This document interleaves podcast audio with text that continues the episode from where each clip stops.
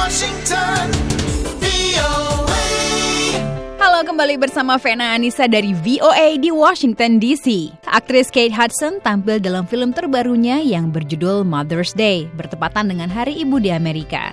Sang aktris yang bermain bersama pemain film papan atas Hollywood seperti Jennifer Aniston dan Julia Roberts di film ini, ternyata merasa sangat kangen bermain dalam film komedi. when I was shooting it, I realized I hadn't done a comedy like that in a really long time, and uh, and I love it.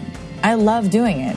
Dalam film yang disutradari oleh Gary Marshall ini, Kate berperan sebagai seorang anak perempuan yang banyak menyimpan rahasia dari orang tuanya. She went against her family's wishes and, and married uh, a man that they weren't uh, necessarily happy with. So it sort of deals with uh, uh, the interracial relationships in, in a Gary Marshall way, which is kind of with hope and optimism that families can work those things out.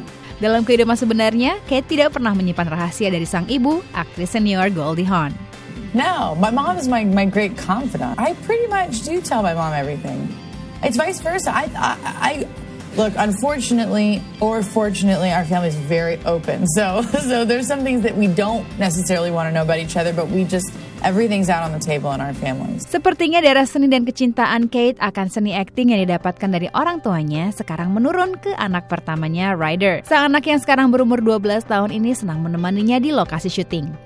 When they're young, they, they, they, it's boring. You know, when they're Bing's age, it's boring. But Ryder right now is at an age where he's love. I'm, I'm watching him love being on a movie set. You know, and it goes, it goes either way. You either get into that whole world because it's it's not fun unless you really love the world of make believe and you are a storyteller in your head and you start to recognize how you're making the story. And I get to watch Ryder now sort of fall in love with yeah and what it is to be on a set. You know.